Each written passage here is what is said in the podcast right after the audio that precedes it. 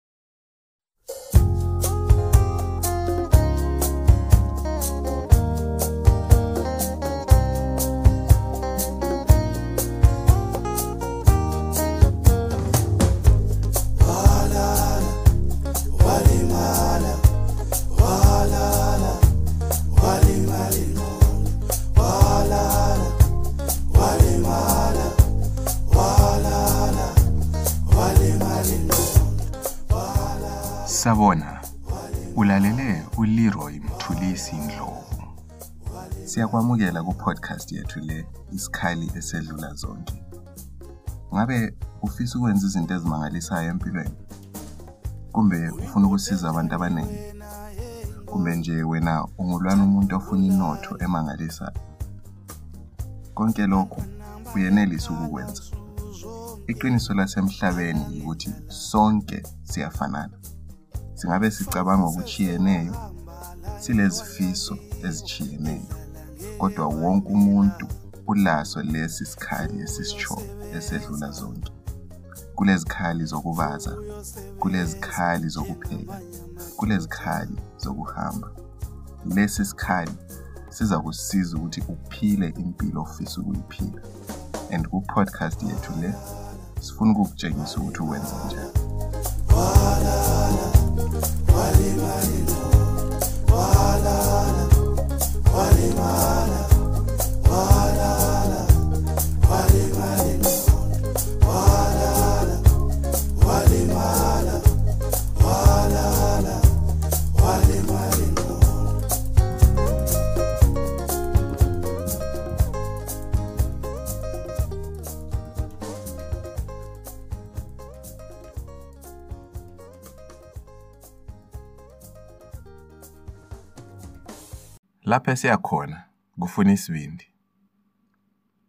Ukulandela amaphupho lezifiso zakho akukho lula.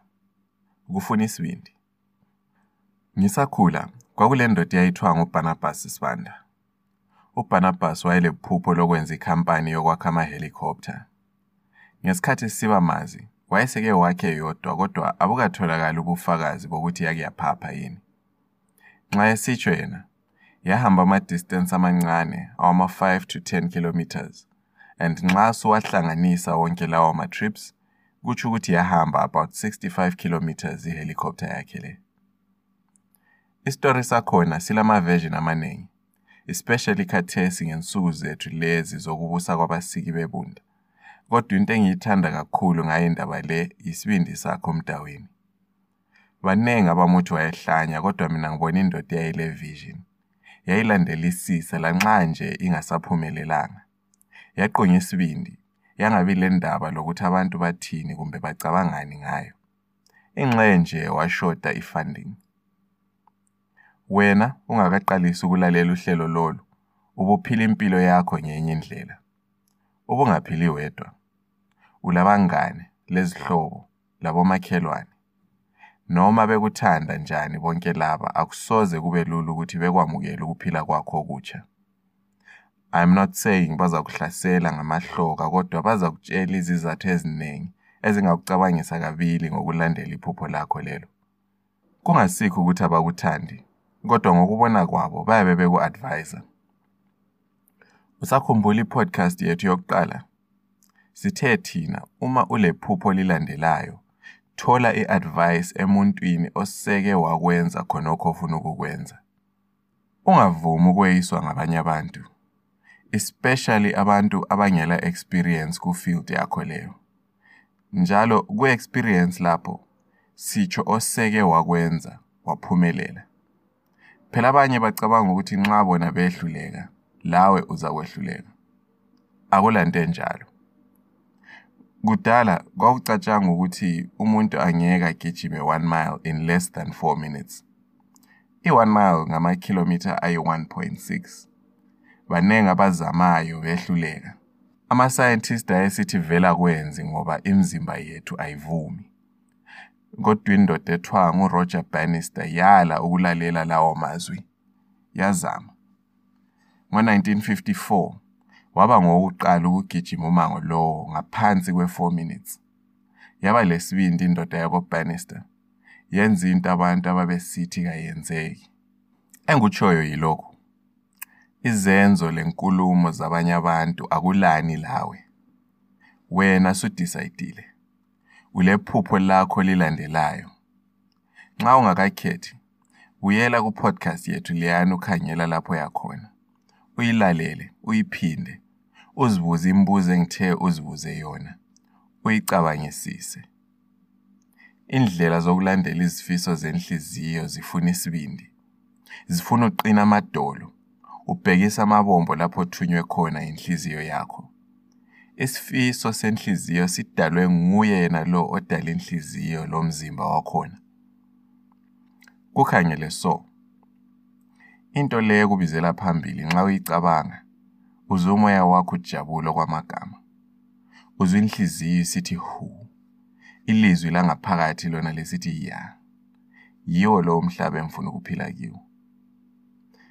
Lokhu kutsho ukuthi akumelanga uphambuke endleleni. Ngaze uzweni kumbe uboneni, akulanto engakuhuga ikususe endleleni yakho. Abanengi kabazwisisi ukuthi ama-ideas ayafanana nje lentanga ehlanyelwe phansi. afuna ithemba. Kanengi siphantshaniswa yikuthi nxa sikhangela amaphupho siyaqalisa ukudinga ubufakazi bokuthi kuzakwenzakala bese sikhalala ngoba asibutholi. Qhubeka kuphela. Intanga ephansi iyathelelwa okwamaviki ayi-3 kungakahlumi lutho kodwa awubuyeli uyeyigebha uthi ngifuna ukubona ukuthi iyahluma yini. Pho ukwenzelani ngempilo yakho? Sebenza. Nxa ungumbhali, bhala. Nxa ungusomabhizimusi, qhuba ibhizinesi yakho. Yenza konke okumele ukwenze wena ukuthi iphupho lakho liphumelele. Okunye okunengi kutshiye emandleni aphezulu kwawakho, ayiwo atshela ilanga ukuthi liphume ngaphi lokuthi ulwandle lukhawule ngaphi. Ungadaniswa ngokusemhlabeni. Tshiyana lakho. Omunye lomunye uvuna umvuzo wezenzo zakhe, ezinhle lezimbi zonke. Amabhuku ngiyawathanda. Elinye engilithandayo labhalwa ngomunye umdala okuthiwa nguJames Allen. Ibizo lakhona lithiwa ngu-As a Man Thinketh. Ebhukwini lakhe leli ukhuluma ngalabo ababona izigebenga ziphumelela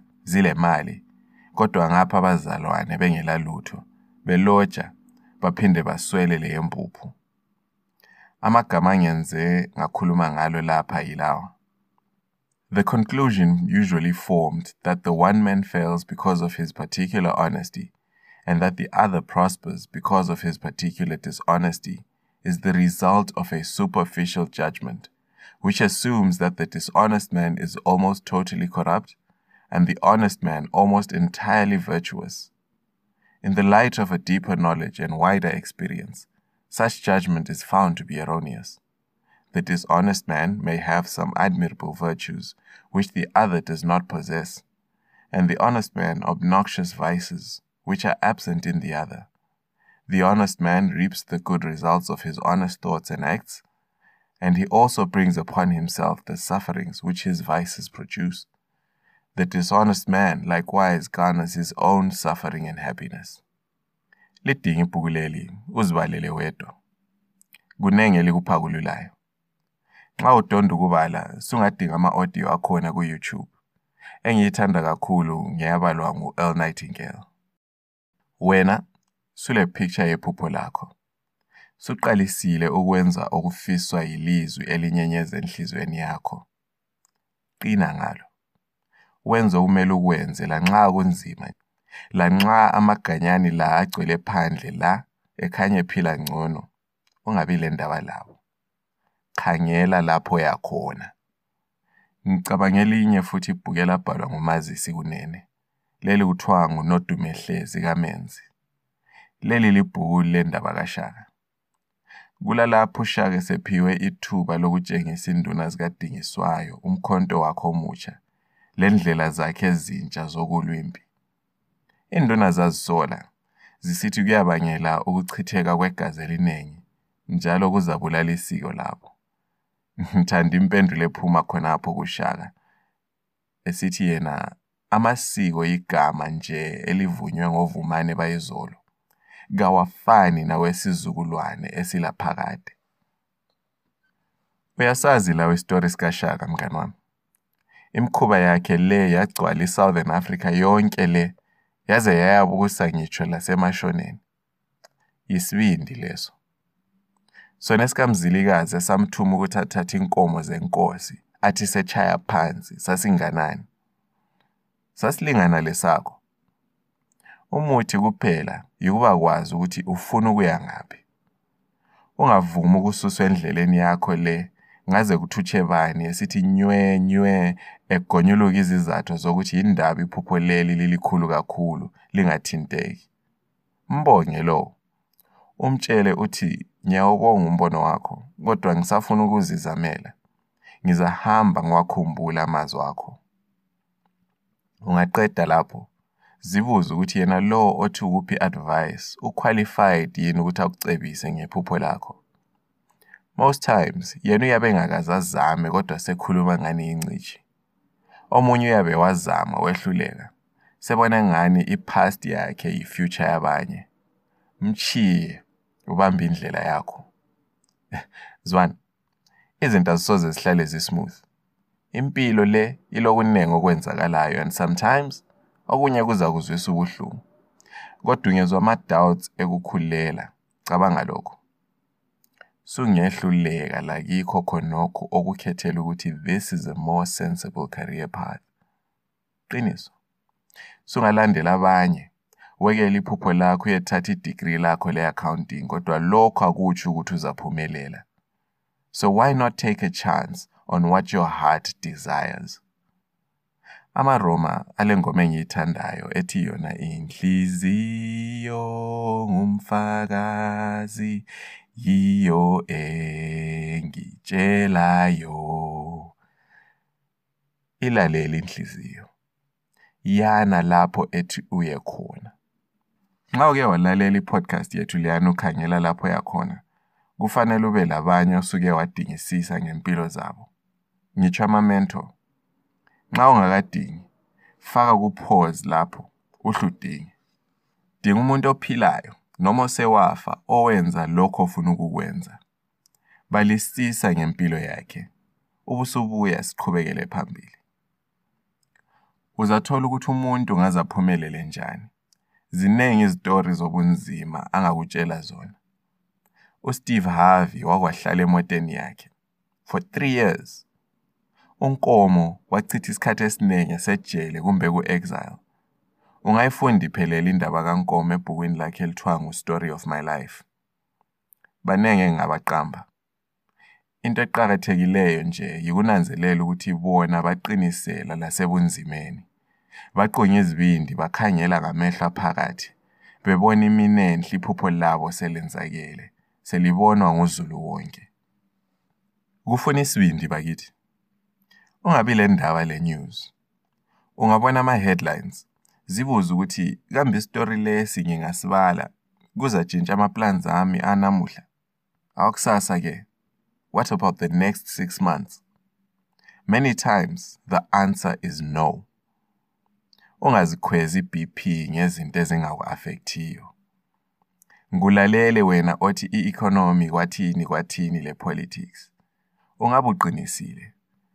mina angithumi muntu ukuthi ayeresigna emsebenzini kusasa already ama-zimbabweans sisebenza imisebenzi eminingi wena dedicate some of your time every day to your vision even one hour nje bakithi i-hour le uyibeke uthi every day ngesikhathi lesi kumele ngenze lokhu nxa ufisa ukuhlabela Isebenzise for practice. Nxa ufisa ukufunda ezokupheka, isebenzise ukubukela ama-cooking tutorials ku-internet. Nxa ufuna ukuba libhawu, isebenzise ukutshaya ama-press-ups lama-sit-ups. Okuqakathekileyo yikuthi ubeke isikhathi sokwenza into yakho le oyithandayo. Whatever it is, kuphi isikhathi lenhliziyo yakho? Ufanana lomuntu olesithandwa sakhe. Abanye batshiya konke baspenda ilanga lonke engalweni zesifo senhliziyo. Abanye bathola nje 30 minutes ilanga lonke ukuthi babonane. Bathandane labo komlilo ovuthayo. Ngaze kube njani? Izithandani ziyathandana. Lawe likhangele iphupho lakho ngelihlo elibona isithandwa. Lenzele noma yini. Nxa kusithi beka 10 minutes, beka 10 minutes abefitness bathi ungachaya ama-press ups ayi-20 akulalutho olukhanyayo kodwa ungachaya ama-press ups ayi-20 nsuku zonke uzathi sukhangela ngemva komnyaka ubona ama-muscles esekhule okumangalisayo uzathi ungasabali amalanga uphinde wethuke ngelinye ilanga uzikhangele esibukweni uthi ah umuntu lo obumbeke kangaka uvele nga Umngane wami omkhulu uPhilani Enyoni wachiya iuniversity. Wayefundela ukuba liloya. Waba lesibindi yena wathi eyakhe impilo ngeyokubhala ipoetry. Ungamgoogla nje uzawubona umsebenzi wakhe lakho konke aseku-achivile ngenxa yesibindi kuphela. Wena ungaba lesibindi sokunika iphupho lakho isikhathi sakho lengqondo yakho uzabona sufikile ngelinye ilanga. Ngizavala ngenye ipassage njalo evela kuJames Allen esebhukwini leliyana esikhulume ngalo. Uthi yena, Be not impatient in delays, but wait as one who understands when spirit rises and commands.